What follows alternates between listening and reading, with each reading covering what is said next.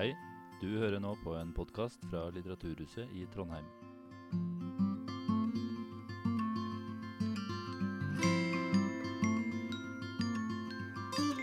Ladies and uh, gentlemen, good evening. Welcome to the House of Literature here in Trondheim in a joint hosted event by Civita and the House of Literature. My name is uh, Erik Løkke, and I will be this evening's uh, moderator. Uh, it's nice to have some music also, but uh, maybe it will be turned off uh, uh, as I speak. Uh, we have titled this event, How Should Norway Tackle the Terrorist Threat from ISIS? And just at the start of the year, this year, ISIS managed to sort of take down the Norwegian government, or yeah, sort of, by the fact that the FRP, the Progress Party, left uh, the government, blaming the other party's willingness to welcome home a woman who had joined ISIS and her children. The particular case, though, uh, illustrates several uh, dilemmas and challenges. Does ISIS volunteers constitute a serious uh, risk? And uh, is our current terror law tough enough? Is, um, and, and what kind of moral and legal responsibility has the Norwegian society for Norwegian born foreign fighters? And how can we prevent Norwegians from being radicalized and joining ISIS or other terrorist organizations? These are some of the questions we will discuss this evening. And to join me in this conversation, I have invited two excellent speakers. Uh, Iyad El Baghdadi, human rights activist and author, among other things. He's also a colleague of mine at uh, Civita. Sofie Høgestøl, associate professor, Scandinavian Institute of Maritime Law at the University of Oslo. She's also the co-author of the book Foreign Fighters, uh, Prevention, Prosecution and Rehabilitation in Scandinavia. Is that a correct translation? I think so. Excellent. Uh, but before I start the conversation, just a short note on practical uh, matters. I will lead this conversation for around 50 minutes. Then we will open up for Q&As, uh, comments, questions. So if you want to take the floor, give me a sign, and I will add you on the speakers list. Remember to present yourself and to be brief, and I will have some help with the microphone. So please speak into it so everybody can listen to what is said. Uh, we will end no later than 9 o'clock. Feel free to share your thoughts on social media. Uh, we have a hashtag CivitaKveld, but do remember to put your phone on a silent mode. Uh, I would also like to, to, to make you aware of the emergency exit, exit. I certainly hope we don't need it, but if we do need it, it's out where you came from. And we have restrooms both to the left and to the, to the right. Uh, well, I think that uh, is so much for the practical matters. So I just think we'll start the conversation. And uh, Iyad, let me start with you. And just to give some background of what we're talking about when we're talking about ISIS. I mean, it's a, it's a word and a, and, a, and, a, and, a, and a label that's used all the time. If you very briefly should say something about the background for ISIS, where does it come from, and what are their core beliefs? I, I think we should address the, the elephant in the room first, given mm. my, my surname is Al Baghdadi. Uh, uh, weren't you killed? well, thankfully, I'm the only Baghdadi now. I used to be the second most famous Baghdadi, now I'm the only one. Um, ISIS is really a, a, creation of the Iraq War. Uh, it started, I mean, there's theories, many theories about how it started, but uh, ISIS is Islamic State of, of, Iraq and Syria. Before that, it was just ISI, the Islamic State of Iraq. Uh, following, so uh, in, in the Saddam years before 2003, there wasn't really much of a presence of a jihadist presence in, uh, in uh, Iraq except far north. There were Kurdish, uh, there was basically a lot of different Kurdish groups. Uh, and if you remember, uh, uh there, there, was uh, an internationally approved, actually American implemented zone to the north of Iraq and to the south of Iraq, where there was limited, the Iraqi army was, had, had limited operation capacities there.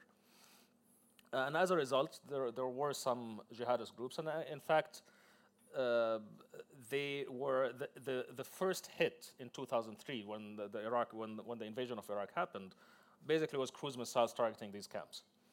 Uh, however, we would remember we would uh, keep in mind that ISI had a different the you know the jihadists present in Iraq was kind of different from. Uh, it, it, has a different ideological strain from that of Al Qaeda. Al Qaeda is really a child of the Afghanistan war. Uh, famously, of course, it was led by bin Laden. Bin Laden, before the Iraq war, uh, gave a speech. And in that speech, he was actually given, giving instructions to people to, uh, to uh, of course, he, he called them our brothers in Iraq.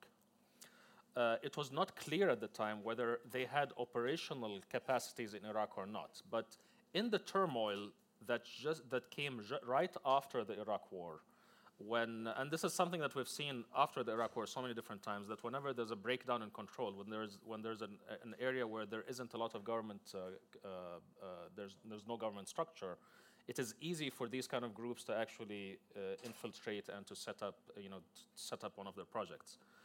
Uh, so not, not to make it very long, but uh, it's really they, they managed to consolidate after the Iraq War in Iraq uh, they had a lot of targets because lots of American soldiers to attack and lots of American Americans to kill.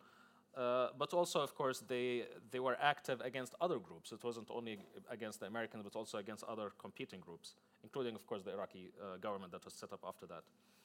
Uh, after uh, 2000, 2007 or 2008, there there was a, uh, a move. There, there were basically an attempt by the Americans to kind of quell the, the, the jihadist presence in Iraq. And what they did is that they started to co- collaborate with tribal councils. Uh, they're called the Sahwat councils. These were councils basically of Iraqi tribesmen who were sick and tired of being, being bullied around by jihadists. Uh, a lot of these jihadists were basically foreigners, they weren't Iraqi. A lot of them were Iraqi, but a lot of them were, not, were also not Iraqi. Um, and this was highly successful. And, uh, and so by the end, by around 2009, 2010, before the Arab Spring, uh, we find that a lot of these leaders, a lot of the, jihadist leaders, were actually in prison, uh, including uh, the leader, the, the, you know, who, the person who later became the, the caliph, uh, Abu Bakr al-Baghdadi. Um, the, so this was the situation before the Syrian uprising. The Syrian uprising, of course, starts in 2011. Uh, it escalates into uh, a militant uprising by 2012, 2013. Up till early 2012, we really we, we, we still had a kind of a national opposition, which was the Free Syrian Army, which had basically which believed in the idea of Syria. They were not there, they weren't there to basically to create a new uh, a, a, new entity. They believed in, in Syria and they basically wanted to replace the government in Syria. Uh, there was one particular group there that we didn't know much about, and this was a group called Al Nusra Front. Hmm. Uh, they were mysterious mainly because they never revealed who they really are. They never revealed uh, their uh, ideological uh, uh, direction. And we were only speculating. We didn't know really. they, they just happened to be very highly effective in battle. So uh, slowly, what happened is that the other, even people who are, I mean, there, there's even statements by Syrian socialists and leftists who are basically supportive uh, of the Nusra Front. This was, of course, before they revealed who they really are, simply because they were very effective at defeating the Syrian army, this, the, the, the, Assad's army, in key battles when you know Assad's army basically was bulldozing uh, uh, non-violent protests.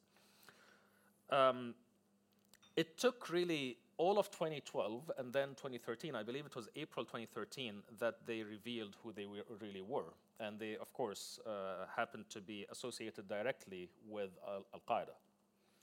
Uh, for a bit of context, ISI, uh, the Islamic State of Iraq, that was set up in Iraq, uh, was basically a franchise of Al Qaeda even though they had different leadership, they have different ideology, they have different, uh, I mean, they, they came to jihadism on a different path.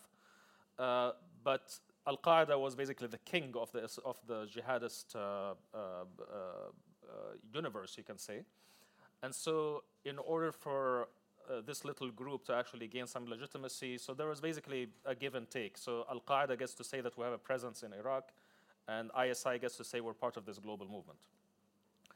Um, so the, the, the chaos of post 2013 uh, as the, the, the, the Syrian civil war became increasingly globalized, you have different actors coming in. You had the Russians coming in, you had the Iranians coming in, Hezbollah coming in. It became a proxy war. It became a place where larger powers, so it, it, it wasn't about Syrians uh, among themselves anymore. It became about, for example, a, a battle between uh, the Saudis and the Emiratis and the Qataris and the Iranians and the Russians and the and Hezbollah, etc. It became a, a much bigger, uh, uh you know, uh, conflict. And that, of course, gave uh, a big opportunity for ISIS to kind of first infiltrate into the same ranks as the Syrian opposition, and later declare war on the Syrian opposition. So it, it, instead of being a two-party war between uh, Assad and his opponents, it became Assad, his opponents, and ISIS. Uh, later, it became four because the Kurdish parties also kind of, uh, you know, uh, pulled out of the, basically became their own opposition. In 2014, um, there was so in, in, the beginning of 2014 there was a big battle between the opposition and between ISIS, and that's when ISIS basically formally split from Al Qaeda, and we had a formal split in the jihadist movement, which people commented a lot upon at the time. Uh, we, as people who are watching jihadism, thought that it's actually dangerous because whenever you have competition, you have a market. Whenever you have a market, you have competition. The fact that you have two different big players in, in jihadism is actually, in one way, you're saying that, okay, they're fighting each other, but also it means that they're actually expanding. Um, as a result of that, uh, they ended up capturing a lot of territory from the, from the opposition and that's when they, you know, you started to actually create a contiguous map where you can say that this is ruled, basically, uh, you know, ruled over by ISIS. Um, and in 2014, in the summer of 2014, they they did what was thought impossible, which is that they went back. So they originated in Iraq, and then they found a, a place in Syria. And in the summer of, uh, of 2014, thanks to the Iraqi government's ineptitude and corruption, they basically re-invaded Iraq, where they actually started. Uh, a lot of the weapons that they got is actually Iraqi government weapons. They captured a lot of weapons uh, from uh, within the, you know, the, the, the, military bases that actually took over. Uh, and suddenly they became, you know, a, a, a really serious force because now they're running a very large territory uh, they can make money through oil because that's an oil-rich region. They can make money through taxation because they can. They're basically millions of people under their control. Uh, not to mention that you know they're running a very successful smuggling business, uh, whether it is you know between uh, Iraq and and Tur- basically it's a strategic location. Uh, and that's when basically it dropped on. It became seen on the map, and that's where we they started calling themselves a caliphate, and that's when they started attracting a lot of uh, recruits from across the region. What's interesting is that per capita, if you actually look at, we actually did this research in 2015, 2016. We wanted to see who is joining ISIS, who's coming to join ISIS. So in any jihadist war, whether it is in Yemen or it is in uh, Sinai or it is in, uh, there's always, the majority of fighters are always locals and the locals are normally fighting for local grievances. Uh, they're not ideological. You know, it's someone who basically wants to make money, so he goes and fights, because he gets paid. Uh, these people, are ideologically speaking, uh, I mean, they're thugs, of course, but ideologically speaking, they're not actually that committed to the cause. They're not actually committed to the ideology, and we have seen examples. I mean, yesterday there was a story about this person who used to fight for ISIS, and then he fought for Assad and he died fighting for Assad. So you can see that they're not actually committed so much to the ideology. Uh, what was surprising to us is that when we, when we compared the size of the, the Muslim population of the MENA region to the number of recruits from that country, from those countries, the respective countries, we found that it's actually much higher in Europe. Uh, the radicalization route of uh, people who are born and raised in the West is very different, and the profile is very different to people who are actually joining from within the, the MENA region. And, and why are, is it so attractive for Muslims born in Europe to go to the ISIS? Uh well, it's not just Muslims. The, the, the, thing, the thing which is uh, surprising is that there is research done also in 2016 that's found that there's a surprising number of converts to who join ISIS. Uh, in some countries, from certain European countries, up, up to 22% of all people who joined ISIS did not start out Muslim in the first place. Uh, there's the case of this, uh, this young man, I think 17, 18 years old. I think he was 19 years old. He was arrested in Britain, um, and he, uh, he had, you know, he was carrying a suitcase, and, and inside the suitcase were some weapons and a, and a, and a, uh, and a knife, and he wanted to behead, to capture and behead an off-duty police officer in the, in, in the UK. What's amazing about this guy is that three weeks before, sorry, three months before that, he was not even Muslim. Uh, within three months, he not only became Muslim, but he joined the very, you know, basically the, the most extreme outcast, uh, you know, cult, which is rejected by most Muslims. Uh, so this is the question here: Why is this? Why is this so attractive? Uh, I mean, whether we're talking about people who are nihilistic or people who are, uh, uh, you know, simply attracted to this to this to this vision. Um, a problem when we do this research is that a lot of the information. So there are certain well-known cases that we can actually study, but uh, a lot there are lots of cases that intelligence people know about and they can't reveal the, the, the details for you know for legal reasons. But what we see is uh, uh, a lot of people who uh, were losers, really, in their own society.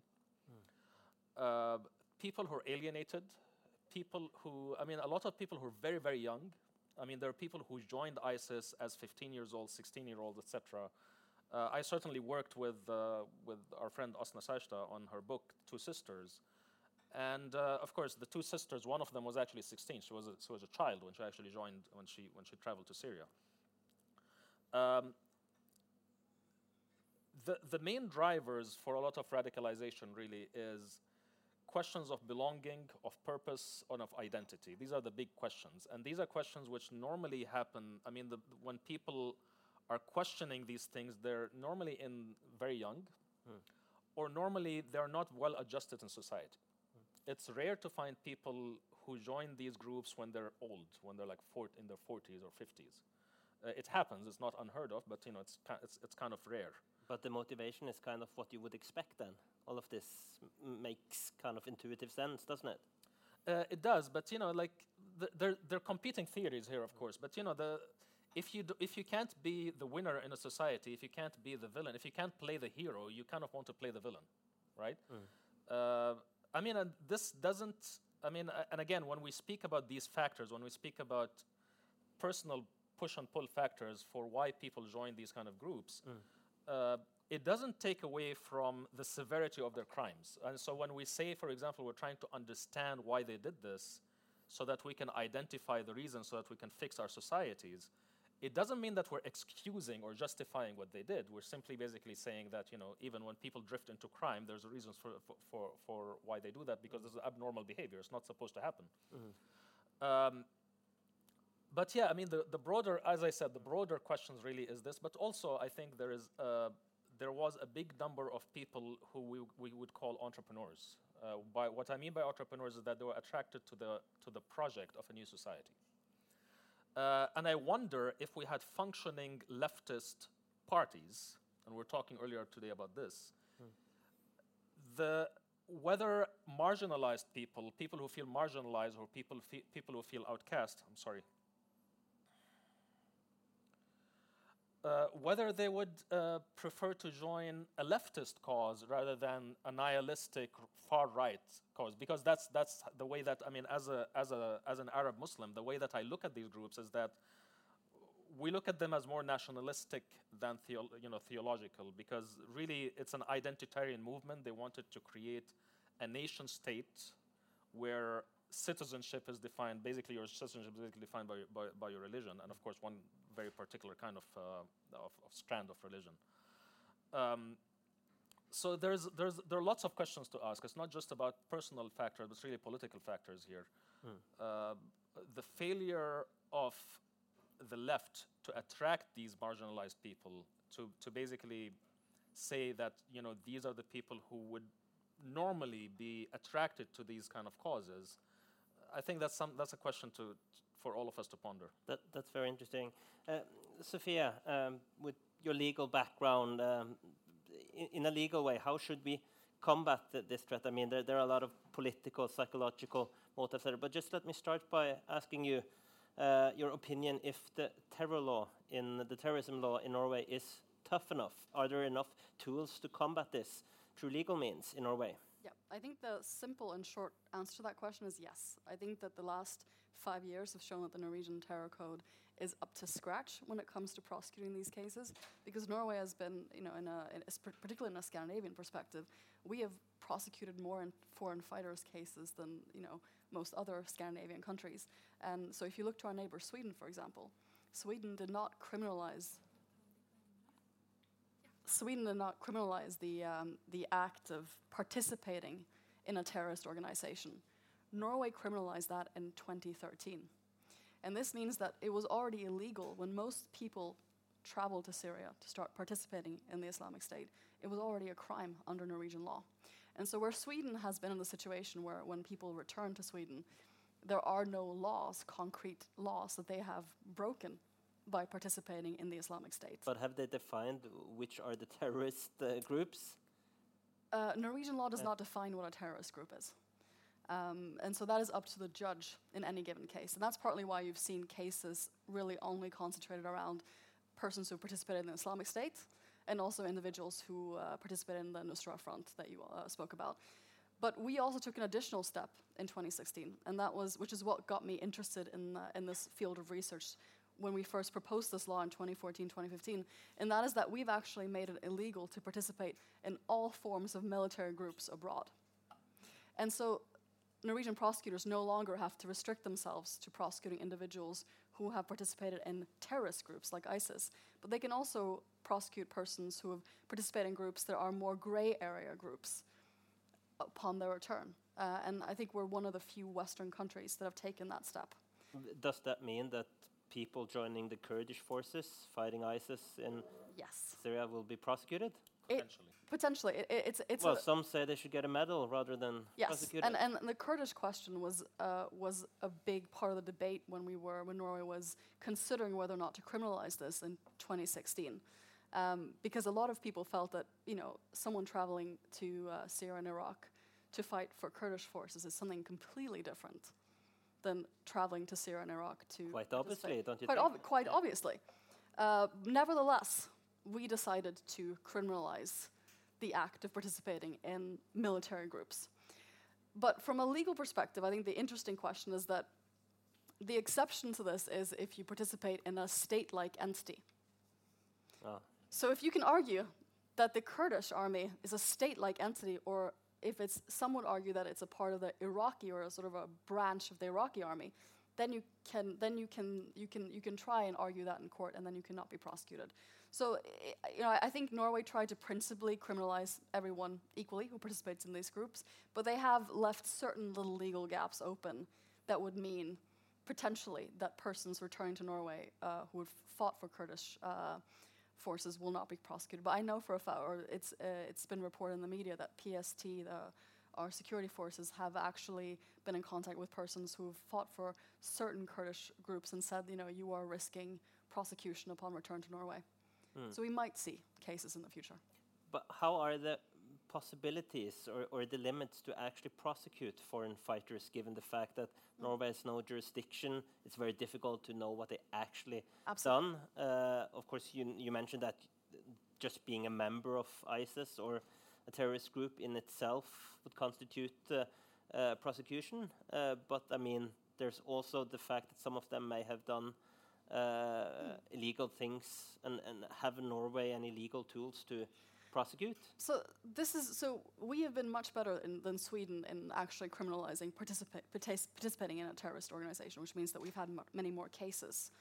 But Sweden has been better than Norway when it comes to prosecuting cases on the basis of war crimes, because you know from a legal perspective, you get about four to six years in prison if you've participated in the Islamic State you can get up to 30 years in prison under Norwegian law if you've participated in a war crime.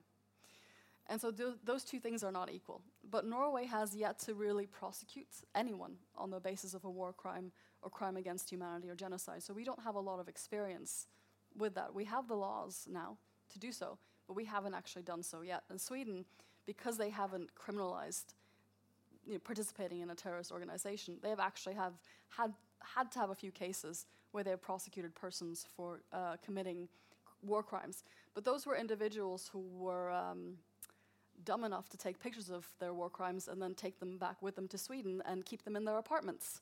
One is not so lucky with everyone who's participated in the in Syria, and that is why the Swedish state was able to prosecute them without those photos.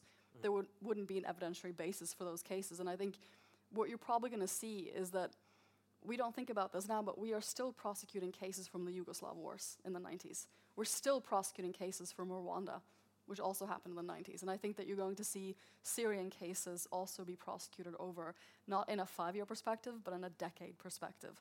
So I think that if you, eh, you know, there might be situations now where people return back to Norway or Sweden or Denmark, um, and the national prosecution authorities cannot prosecute them based on the evidence of the time. However, there is there is no term limits for war crimes. So if if in five or ten years there's a functioning, some sort of functioning evidential collection situation in Syria, then you could see prosecutions in ten year or five or ten years when that time comes. Mm. And how important is for Norway, you, you mentioning Sweden, but other European countries in terms of different legal system? Should there be any approach to harmonizing legal system or even get a, a, a, a, a international criminal court of some sort to Yeah. prosecute? Is it possible? Um, you know, I, I my specialty is international criminal courts, uh, and I think a lot of people in my field would like to see an international criminal court in Syria. But I think the the, the biggest hindrance, the practical hindrance to having such a court, is that it would require Security Council authorization. And who sits in the Security Council? Russia. They are not going to authorize an international criminal court given the present day situation. And I also think that if you look at the Syrian conflict, because as you said, there are so many different state actors who have been in the Syrian civil war in some way or, or another, they are all powerful states. They are not necessarily going to want to see an international criminal court with a mandate to try all of those actors. There's another point, which is that each of these actors have committed war crimes. Exactly.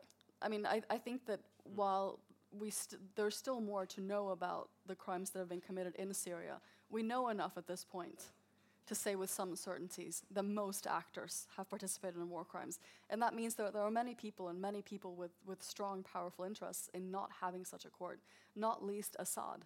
I cannot see Assad wanting to create an international criminal court that he himself could be prosecuted by. Uh, yeah, let me uh, ask you. You've you've seen this from fr fr from Norway, and what's your um, view on the way that Norway or other European countries are are, are its approach to to foreign fighters prosecution? Is, are they done a fairly good job, or should they uh, change their approach? I mean, for a while, especially the British and the French, uh, they didn't want them back. In fact, they wanted That's to, understandably. Yeah. they wanted to make sure that they're killed in the theater of war. So, in fact, uh, or handed over to the Iraqi army because the Iraq Iraq basically has a, a death sentence and they basically kill uh, people who have committed these crimes. And so.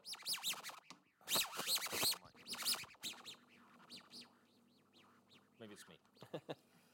uh, and so they're basically sending their own commandos to kill their own foreign fighters in the theater of war so that they don't have to actually handle, they don't have to actually uh, worry about uh, prosecuting them back home because, you know, because of the legal challenges.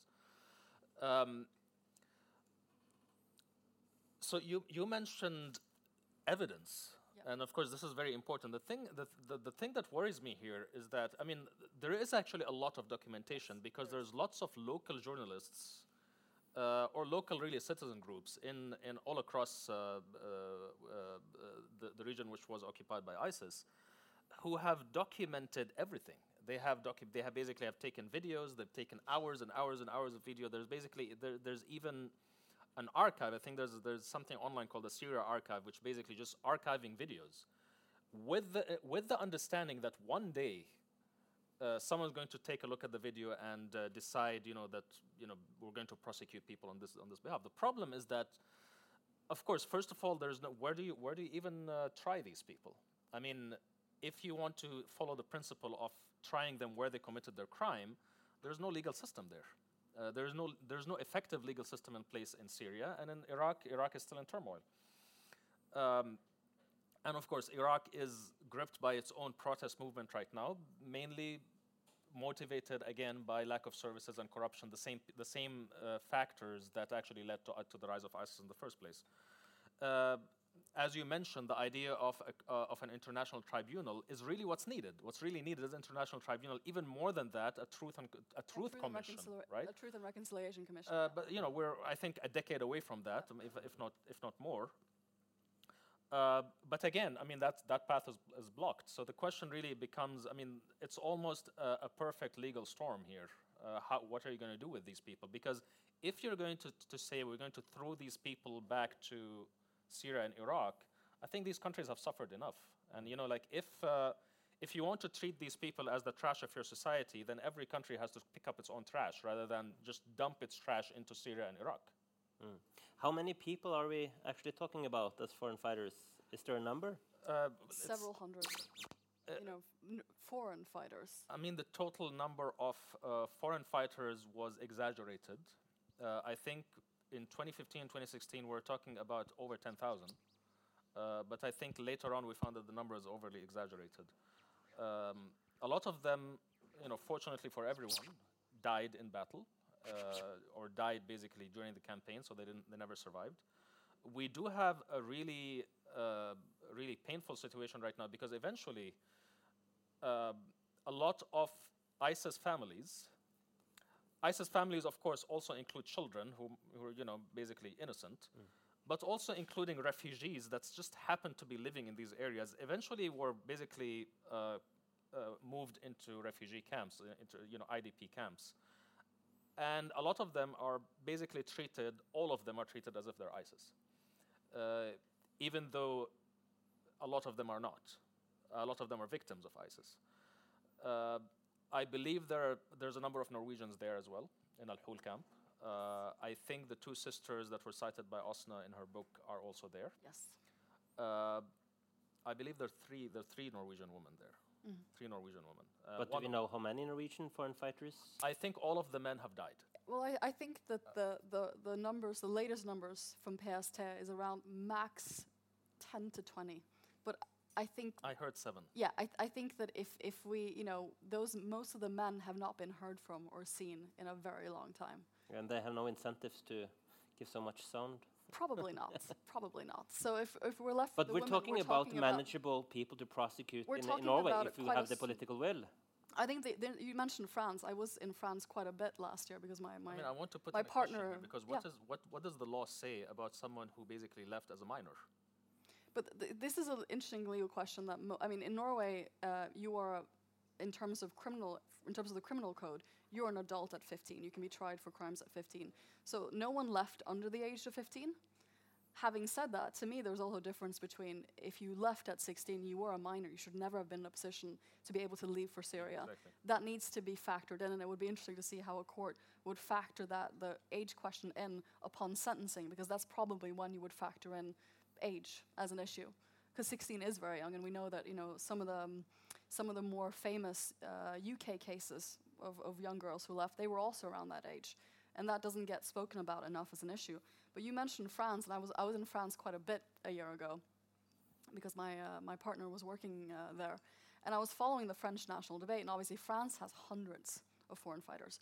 Uh, and at the time you know France was uh, seriously considering behind the scenes to just bring everyone home from a security perspective because they're sort of stuck in that limbo of do we leave them where they are and risk them coming home through through different routes as a security threat or we do we do we do we actually just say okay we're going to have to bring people home it's a more secure setting to do so so let's actually start that process however i think most european countries have found that it's been politically completely impossible to have an open discussion about you know the, the bringing a lot of people home but you know in terms of France, we're talking about hundreds of persons. And France has had difficulties with people getting radicalized in prison. So obviously there are many issues there. We don't have those issues. We probably have, as you say, around seven, eight adults who are alive in these camps. And so it's a much more manageable number. And, and that's, in that sense, Norway is in a more fortunate position than other countries. Because unlike Sweden, I think Sweden has been sort of the, they are the ones who are suggesting that we should create a European, internationally led court for, uh, to prosecute uh, ISIS. And that's partly because they don't have the legal framework for doing those prosecutions domestically. So for Sweden, if you bring everyone home, that is going to be a problem. Whereas, at least for us, we have a legal framework and we've done a lot of these cases now. We know that, you know, the, the fact of the matter is, most of these individuals, if not all of them, are already under international arrest warrants. Well, you men- mentioned minors and, and children, and obviously it got a lot of attention. Yeah. The case with the women and, and, and, and the children who was brought back uh, earlier this uh, uh, year, if it was not uh, late last year, but some, some months ago. And, and do we know how many children, Norwegian children or other children who are in, in the area? I think um, PST being very careful to say that they say Nor- children with Norwegian affiliations because not everyone, uh, not everyone has a Norwegian pa- or would be capable of getting a Norwegian passport. Some of the children are born from mothers who were in Norway on a permanent residentship, but they were not Norwegian citizens. And so there's a question as well: How do you define what a, being a Nor- Norwegian child in this situation is? If you go by citizenship, I think maybe 10 to 20 children. And what does the law say about, the Norwegian law say about Norwegian children Yes. stuck outside? Do we have a legal responsibility for them? This is a question that you could write a PhD on in law because it's not quite clear. It's a gray area there where I think there's been. I haven't. My position is that I can't point to any specific law in Norway and say that that law means that you are entitled to the Norwegian state coming to get you. Because there's two different questions there. The, the idea of everyone has the right to return home. You know, if any of these children come to Norwegian borders, we obviously have to take them. They are Norwegian citizens. But there's another, the, the legal question then becomes do you have an active right to be taken home, that your state flies down and gets you out? And I can't, at present, I haven't been convinced that there's a single law in Norway that gives you that kind of a right. Mm-hmm. And so, to me, if you if you ask me, then my conclusion is probably that you do not have an active right to be taken home. But yeah, do we have a morally obligation to bring them home? Well, of course. I mean, they're kids. Yep. And uh, the, I mean, I'll just mention what happened to one of the kids uh, who was born to a British mother. Uh, and the British mother was basically stripped of British citizenship last year. Um, and I think she had, uh, he, you know, he was uh, under one year old. It was in Al Hol camp, and the, and the boy froze to death. Uh, I don't think anybody. I think if we are okay with that, then who's the terrorists? I mean, who's who's evil here? I mean, we're, if we're okay with what's happening to this to these children from you know uh, dying of cold or being raped or being brutalized or being raised in that camp, we're really raising another generation of ISIS fighters, really.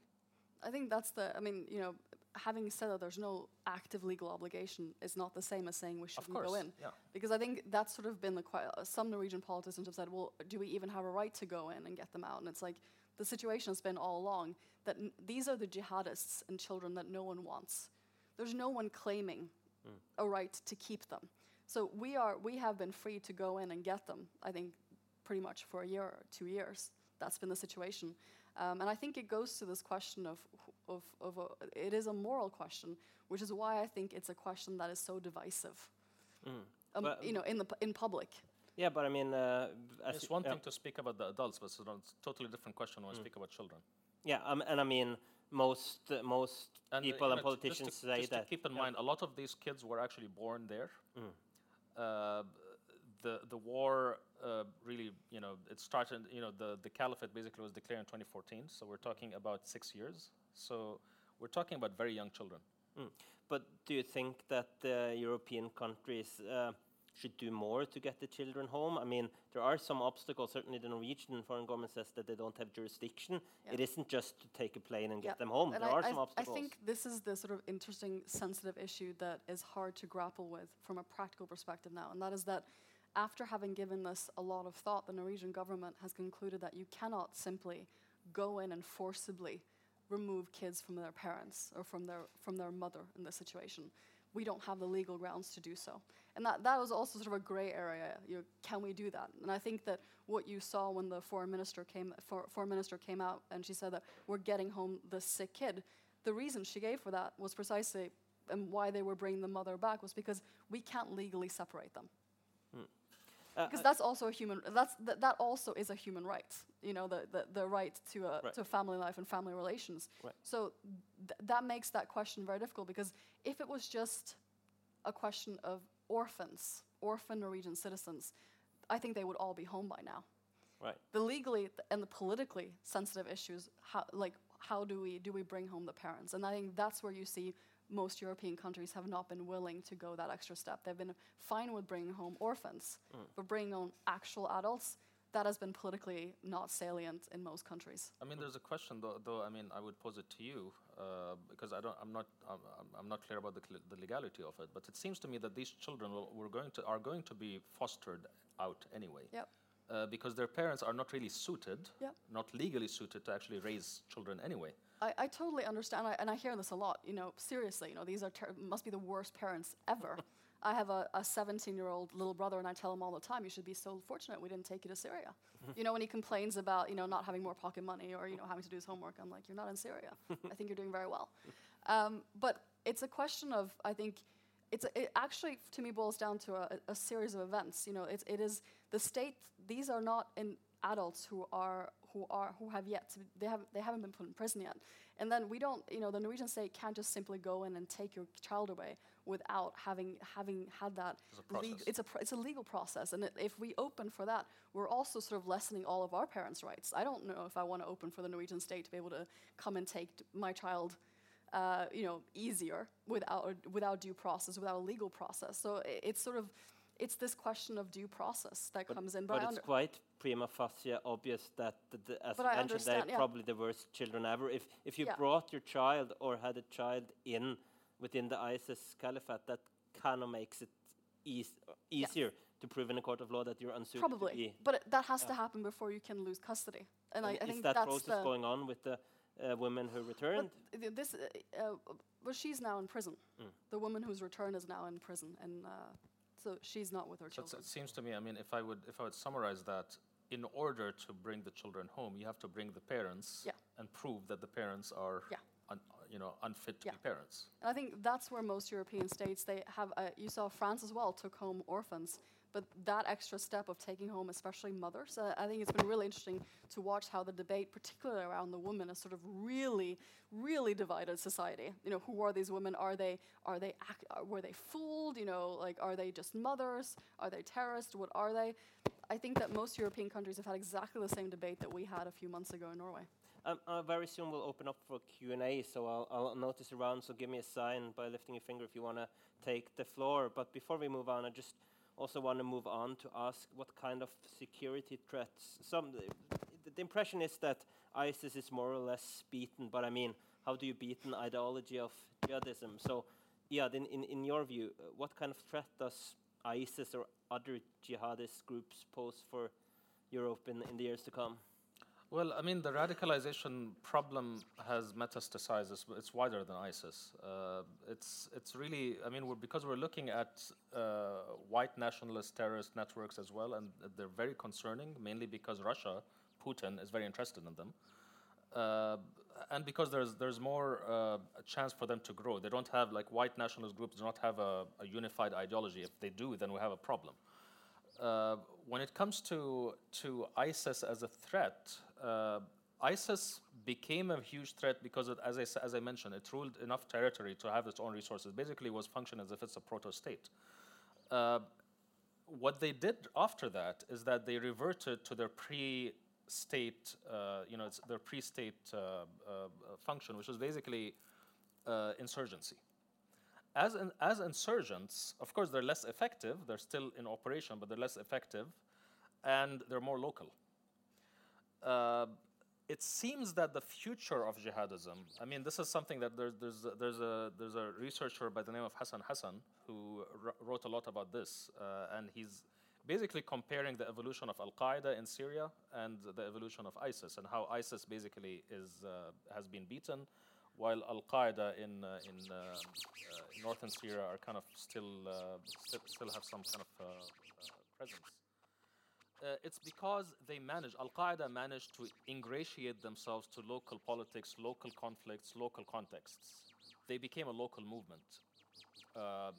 ISIS did not do that. ISIS basically was an occupation force for mo- most of you know when, when, you. So I mean, uh, I could be wrong, but I don't think we're even when it comes to the lone wolf attacks that happened uh, that ISIS used to used, used to uh, take credit for. In uh, in many cases, there were not actually lone wolf attacks in a sense that it wasn't that ISIS actually supplied or created the context for the attack. It's just someone basically goes and shoots up a gallery or shoots up a, a bar, etc., and but then records a video before that saying, "I pledge allegiance to ISIS." Uh, so it's not like ISIS actually created the, the terror attack, but it's basically created a situation where it can take credit for it. Um, if uh, uh, anal- analysis by, by people like Hassan Hassan is true, then what we're going to see is that these jihadist groups are going to try to become more local than global. Uh, the global image basically gives them an image that they're everywhere and they're bigger than they are and they're more dangerous than they are, and that actually wins them more recruits, wins, wins them more donations, which you know more more funds, etc. Uh, but I, it, it, of course, security is very important. Uh, and I would mention actually that returnees, if we're talking about male returnees who have a militant background coming back, eh, they are a security threat. They absolutely are a security threat, even in prison. As you mentioned, there's basically prison radicalization, prison recruitment, etc. And even if you know if um, European countries don't have death sentences, which means that you'll have to keep these people forever, and if you keep them in prison, they're going to develop more ideologies or you know whatever. Uh, so they are absolutely a threat, but uh, the terror threat that actually scares me, if I look at the rest of the 21st century, it is if white nationalist networks develop a unifying ideology uh, and find common cause, they, and then they find a good sponsor uh, who would provide them with money, training, and a target list. And that's kind of what Putin is looking at. Yeah. just I think for me the the interesting part of this this phenomenon has been that Norway has been a, a really big diplomatic champion of international criminal law. You know, we have we have been such an important part in building international criminal courts.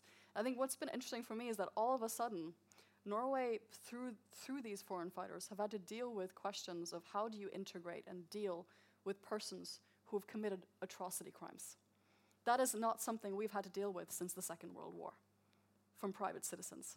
And so it's kind of been interesting that, you know, we've been very good at traveling abroad and saying, do these trials, reconciliation, rehabilitate your child soldiers, you know, justice, do this. And then all of a sudden, we have to deal with those questions. And those questions are really, really difficult questions. And I think for me, you know, uh, building on what you said, the important thing is that this is not, a, for me, I think, a singular phenomenon. ISIS, the idea of Norwegians joining an organization like ISIS, is not a singular phenomenon. We know for a fact that there are uh, European uh, nationals who have traveled to the Ukraine to fight for far right nationalist groups uh, who, are, who are involved in the Ukraine conflict. We know that for a fact. And so I think that we, the Norwegian approach to this should be a long term perspective one which is what signals and what, what standards are we developing in, our, in the way that we meet foreign fighters in Syria? And how, how, how are we going to develop a standard that we can also apply in the future? And so, if you ask me from a criminal perspective, I think there's quite an important signal to send that if you travel abroad as a Norwegian and you participate in mass atrocities, war crimes, genocide, and the likes, the Norwegian state will prosecute you. You cannot think that you're going to travel abroad and do those things and be able to run around the world scot free and participate in other organizations. And I think that that is something I think we have to think about a little bit more because that's an important signal to send. Because I don't think this ends. I mean, with I would this add a point about uh, the people who went to fight for the Kurdish groups, and we know that the Syrian Democratic Forces eventually, like you, like you mentioned, that if it's if it's a government entity, the Syrian Democratic Forces eventually became uh, a, a governance structure, and, and they're administering basically a third of Syria. Uh, that said, um, and you know, uh, the Syrian Democratic Forces again were Kurdish dominated. They were not only Kurdish, but Kurdish dominated. But they were the best of I mean, everybody has committed terrible things in that war, but the SDF were really the, the, the most democratic uh, and the, the, least, the, the less uh, brutal of, the, of, of all of the, the, the groups. That said, I think anybody going to join an active civil war is adding fuel to the fire. I think it's wrong, and I think uh, it, should, it, should be, it should be criminalized. As it now is, yeah. But Sophie, you mentioned you spent quite some time in France. Yeah. Uh, and France has, uh, has uh, increased their, uh, their, their, their fight against terrorism and, and made tougher terrorism Mm. laws. Uh, some say it's been effective, basically cracking down on recruit sites on the internet and so on. Is, is that something we should learn from in, in Norway as well? Perhaps, but I think that you know you, we go back to I, uh, these push and pull factors for why someone is radicalized, and I think that we have to really look at. Um, you know, we had a terrorist attack in Norway this summer with the mosque uh, incident. Thankfully, no one was killed in the mosque. Um, he did, kill, however, kill his uh, his adopted sister. And I think what we still that case is going to come to trial soon, so we will learn more about his radicalization process. But what we know so far is that that radicalization process seemed to have happened very quickly. Um, however, there were individuals who contacted PST about him. You know, how are we better in our communities of identifying these radicalization processes so people don't become so radicalized that they commit these crimes? I think that's the really long-term difficult question, and that Fi- Fighting the root causes. yeah, and I That's the- mean, that's you the know, big question, we I can come with the legal. I can, you know, we can think, look at the legal framework. But if we don't do anything with if- those if radicalization if we s- causes, If we wait until it becomes a legal problem, we've waited we, too we long. wait too long. And I think that has to be the longer term debate. Um, is, is how we work with with communities, local communities, in that fight against radicalization. But my impression is that people are doing this all the time. Aren't we doing this enough? Uh, from your perspective, Iyad, what are you lacking in terms of addressing these issues of radicalization before it comes to legal I problems? think, I think What we really need to should we, we need to understand radicalization. I think uh, radicalization really is a reflection of our innate tribalism. Uh, human beings. I mean, I tell people that Homo sapiens as a species were tribal even become, before they became Homo sapiens. I mean, even our pre-Homo sapiens ancestors were also tribal. And there's something about us kind of reverting to that kind of, you know, intense tribalism where it became, when, you know, uh, being a member of a group, uh, we can completely dehumanize and completely, uh, you know, hate with recklessly hate people who are, who are of a different group. All we have to do is basically uh, otherize them and to say that, you know, you're of one group, you're of another group, and I have to defend my group because you're attacking my group. Uh, this is a human problem, it's always going to be there. And uh, the response really is a stronger society. So it's again, I mean, uh, just like you said, it's it's a question about the very foundation of our societies. It's not a trivial question, and it's not. It should not only be a security question. Yep. It's really a foundational question. But it maybe also should be because probably no matter how hard you try, you're always going to have people who Yes. tend up to Yeah. Yes. follow that uh, biology of being radicalized, and uh, and so, so you also need legal tools. I mean, to, to be honest, I mean, uh, uh, uh, maybe this this was mi- missing from from my biography when you introduced me. But I was radicalized before. I was radicalized after the Iraq War. Uh, thankfully, I was de-radicalized. I mean, or I de-radicalized myself. Uh, so I have a, a first-person perspective on what it means to be radicalized and then de-radicalized. And uh, since part of my job is to help de-radicalize people, I have to believe that you can de-radicalize people. So I have to believe that no matter, you know, that no human being is a lost cause. Uh, I'm not, we're not uh, fortunate and we're not naive to think that it's always the case. I mean, some people are lost causes, unfortunately. But we have to assume that in order for us to build uh, that kind of uh, structure in our societies. Yeah. And Sophia, your impression from a, yeah, from a legal or political perspective, uh, how well do you think Norway is doing uh, the issue of fighting radicalization? Uh, I mean, you mentioned the, the case of, of the summer and uh, right-wing white nationalism attack. Uh, again, I think uh, maybe you should step out fighting white nationalism, or, or, or uh, how do you see it? What, should- what should we do better? I think this is a, a big question that you can spend your life trying to, to figure out. But I, I think that it's, uh, you know, with practically what's happening now. I think it's a positive thing that PST, for example, is now doing a critical review of how they handled the man, like Manshaus's case. Why did they receive a tip? Why didn't that tip like why wasn't that taken further? I mean, it's it's it's very very. We know how difficult it is to work in this murky field of radicalization, and you know the push and pull of when you you sort of try and make an intervention. But I, I think that really try, trying to map out how we can work on these issues. Um, more systematically, but also I think you know, as, as you said, this is a community question to me as well, uh, and and how we work within our communities uh, to prevent radicalization. Uh, you know, I, and I've thought about that a lot myself. I mean, we've had that discussion. The, a lot of the people who left for Syria, for example, they were part of quite a radical group um, at Oslo Met. Uh, you know, what could what could you have done?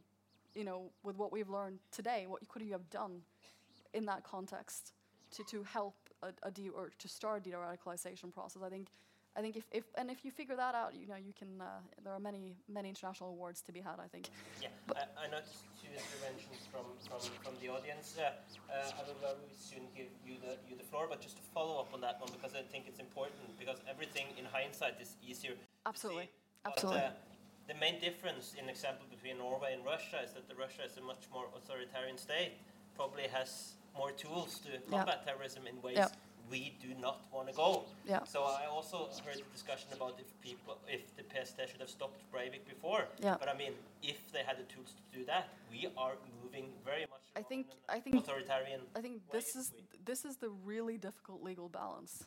Is that you know if you expand, I think that uh, I think that's one of the bigger legal debates of our time is if you expand the toolbox for for surveillance, you know, for for the police to go into these cases, you're also eroding the founda- the foundational values of our society. You know, human rights. And it's like finding that tipping point, that balancing point between human rights on the one side and, and, and, and giving the police and the security forces the tools they need to combat radicalization and extremism. Finding that balance is really, really difficult. And I think it's, it's going to be one of the key questions of our time, and it has been since 9 11. I, I would mention, Eric, that in the case of a lot of authoritarians, it's by design. Yeah. I mean, you give your country a touch of terrorism so that you can rule it forever in the name of fighting terrorism. That's a good point. Please. Yeah, I have a question for Sofia. Um, you said that we should have a long-term perspective, that Norway should have a long-term perspective. Uh, does that mean that you think we should go and get them back? I wrote an op ed in Aftenposten in March last year where I said I agree with Trump, which is that Trump's recommendation is that European countries take back their own nationals and prosecute them domestically. And I think that because Norway has proven that they can do these cases, and we have quite a small number of people, I think that on balance, if you ask me from a criminal perspective, I think that's maybe the best solution on the table right now. So, yes. And are there any politicians willing to, or do you see any Yeah, movement? Yeah, whatsoever? I feel like th- th- there have been really no politicians who listened to that op-ed. You know, strangely enough, it, it- is a really, really difficult question. I think if you look at in Europe as well, the idea, I think that was what was interesting with being in France at the start of 2019 was that at some point, French media were reporting that the French government internally were like, okay, we think that in terms of in terms of the th- terrorism threat, the best thing to do is maybe bring them home because we can control the process. But politically speaking, when people found out, when that leaked out to the press, people, you know, there were people were protesting. And the same happened in Finland. So I think that these are, I think it's, it's a question of politicians, but also, you know, what's, it, it's a really difficult political question. But I do think that, um, I think that it's going to be difficult for the Norwegian state to justify bringing home one child and leaving the rest of the ch- children that we, we know where they are. Um, I think that, I think that I'm, I'm very interested to see what will happen in the next few months.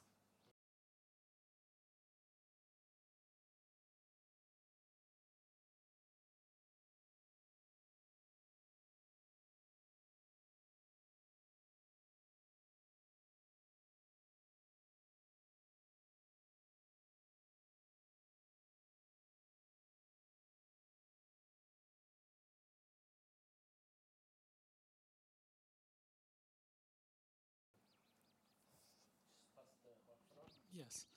I would like to kind of two comments. The first one about the factors or uh, the motivation which yeah uh, the uh, the mot- motivations me yeah no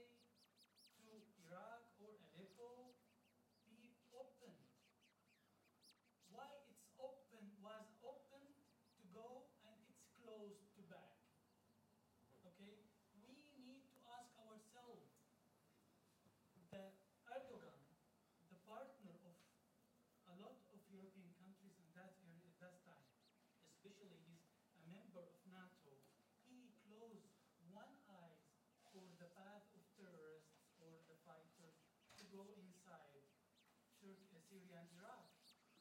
And I will share something. A lot of that, it's beside of Algeria. It's a very important NATO Air Force base. The people just walk around to go inside the uh, Syrian border. That's all. Economically, I would like to share something about what we call the uh, what they call it in in, uh, in Iraq and Syria. They call it the foreigner fighters. We call it uh, al-muhajirin, or what is it? They call it the migrants. The migrant fighter have the high position, the high salaries, the leadership, the good houses, the good cars and vehicles, and I'm sorry to share uh, bad things also, the good women, the, the best slaves, they keep it for the foreigners fighters. It's a kind of motivation.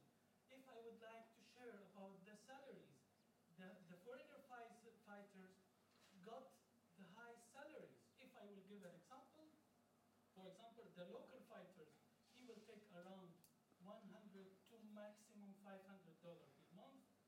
Uh, for foreigner fighters, it's b- around 5,000 to 10,000 dollars per month.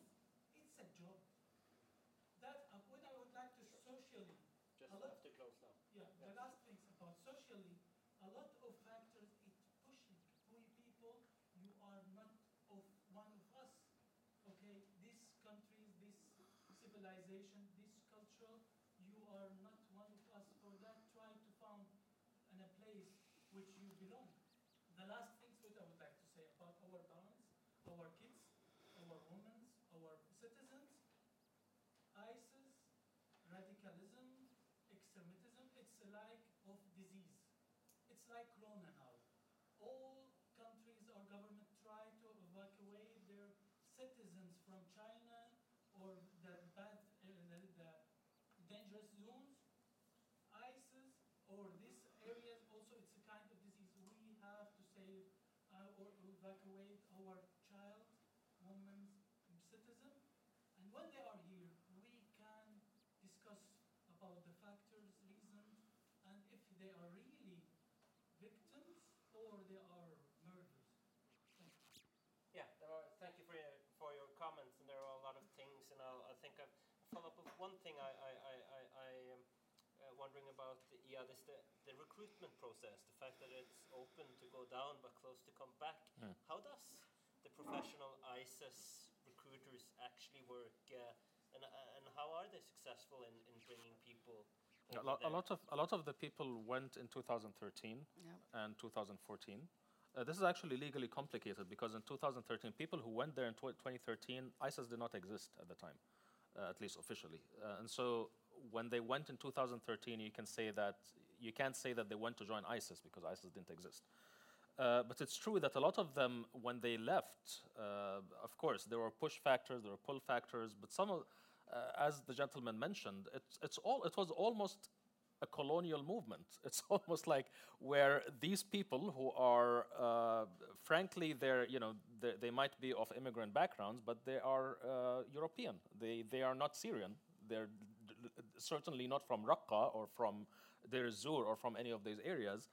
Uh, and you know, th- so the person who n- who named ISIS Daesh, uh, later found out he's from Raqqa and he ended up as a refugee in the, in the United Kingdom. And he found out that uh, uh, uh, ISIS family was living in his house.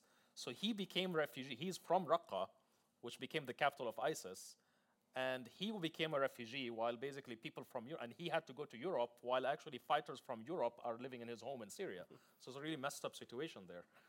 Um, there was the case of a German uh, uh, immigrant who joined ISIS in 2013, I think, or 2014, and who went there and he was he was a member of ISIS for eight months. Uh, he managed to you know cross in and he became uh, you know a fighter, and then he was disillusioned and he tried to flee. Uh, he tried he he tried several times. Every time they basically shoot at him, he had to you know. Uh, eventually, he managed to actually escape. Uh, managed to go back to Germany. Uh, he, he had a light sentence. I think he was in prison for six months or something like that, mainly because he became very effective in de radicalization. Uh, and we kind of need such success stories. Yeah. Uh, I think, unfortunately, it's past that because the people who actually survived all the way till the end are really, really committed or they're really crazy.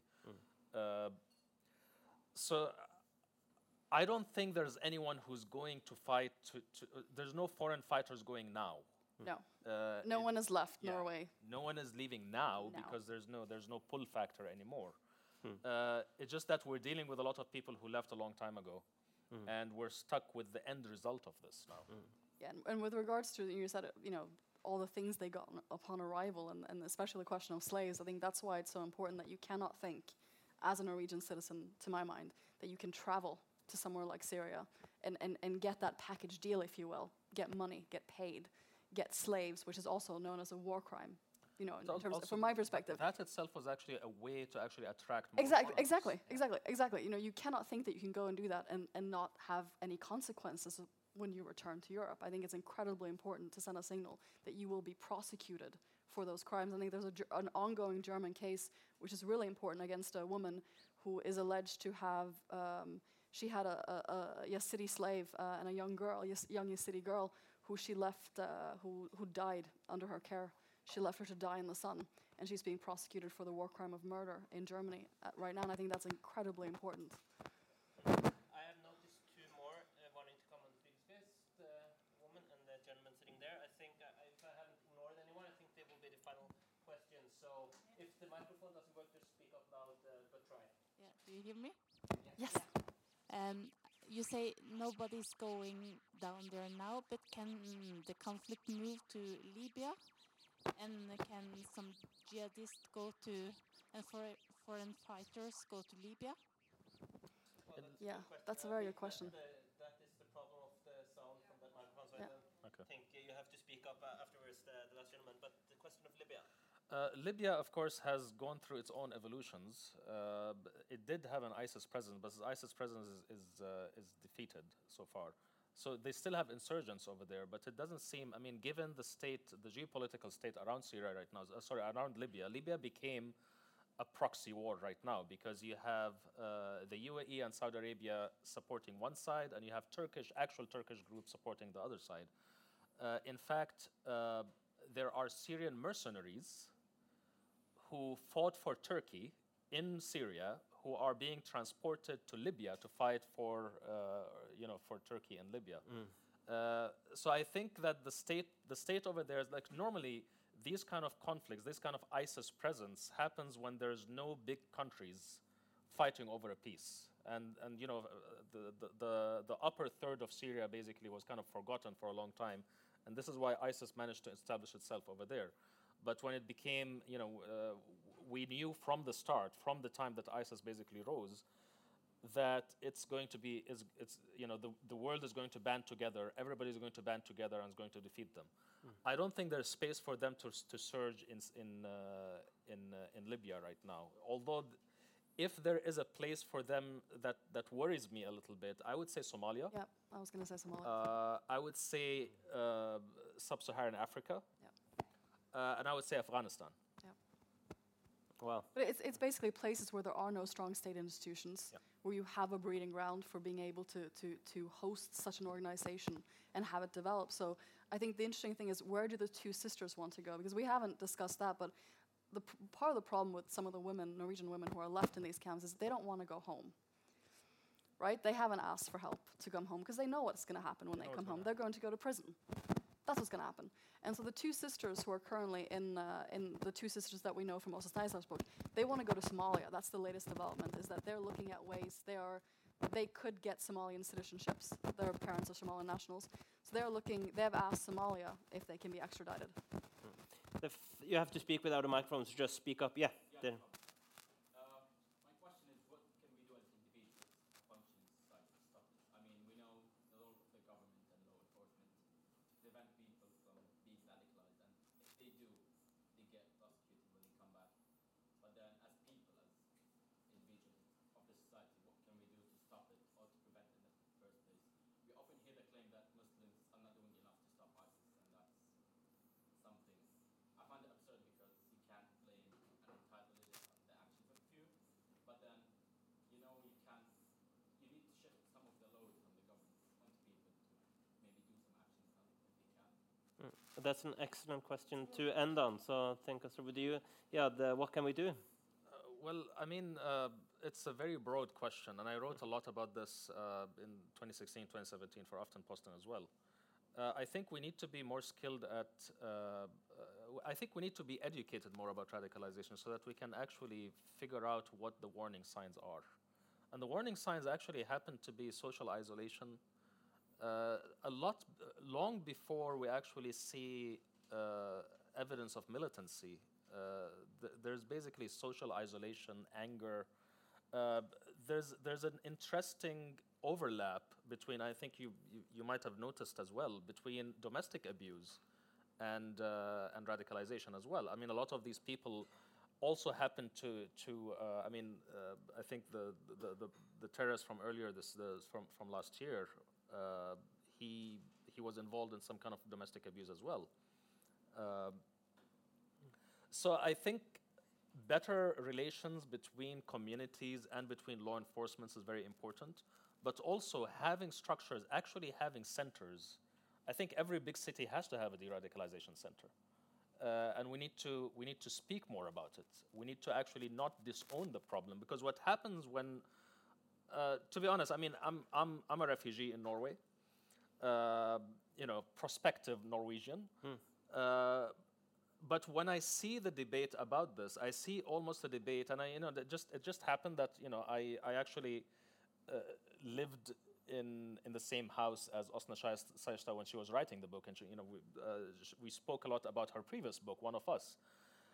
The mo- the main thing about the title, One of Us, about Breivik, is that he is one of us, and that we cannot disown the problem. We have to actually say, we have to actually acknowledge that this is a problem that we need to face, and we cannot say these are others, these are other people's problems, and we you know we don't even have to bring them back. We don't even have to think about them, and that's it. Uh, I think a psychological barrier that we have to cross is to actually realize that this is a problem everywhere, and this is a problem of every time. It's a human problem, and it's going to be a co- to continue to be a problem. Uh, I mean, I can imagine in the future that if you want to become radicalized and want to become a terrorist, you don't really need to blow up a lot of stuff because if you really, if you're really smart, then there's a lot of cybercrime that you can do. There's a lot of cyber terrorism that you can do, and you can screw up a lot of things in society if you know how to hack the right uh, the right devices, for example. Uh, so it's not going to the problem is not going away. But just uh, one of the things you said before we move on to your final words, Sofia, I want to ask uh, Iyad, uh, a, a common claim that Muslims have a particular and even more bigger responsibility to fight jihadists than others do. What do you think about that claim? I, I mean, I could understand, of course, when you when you, when you say that uh, it's ridiculous to to say that it's the community's responsibility. I think we have, as Muslims, I, I believe we have a moral responsibility because uh, these people speak in our name, and we have to be the first to say that you know you don't speak for us. Uh, and I also believe in activism, and I believe that you know as Muslim individuals we also have to be active in fixing our society and strengthening our society. Uh, but I completely understand also that, I mean, this is something that I'm saying as a Muslim. I'm not going to point the finger at every ethnic Norwegian when there's an ethnic Norwegian uh, uh, terror, ter- terrorist, for example. I think that's wrong. Uh, so, I mean, this is my perspective as a Muslim. I would say, yes, it is, a, it is our responsibility. But I would push back if someone if someone says that you know you're responsible for terrorism or you're responsible because this this this terror this terror this terror attack happened.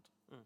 Sophia, your final words. I think it's a really, really good question, and I've I thought about it a lot this summer when the terrorist attack happened because it became quite it, be, it, it became public quite quickly that there were friends he had been studying at a high school, and there were friends around him who had reacted to his isolation process. You know the changes that he'd gone through, and some of them I think, you know, had reached out and asked for help.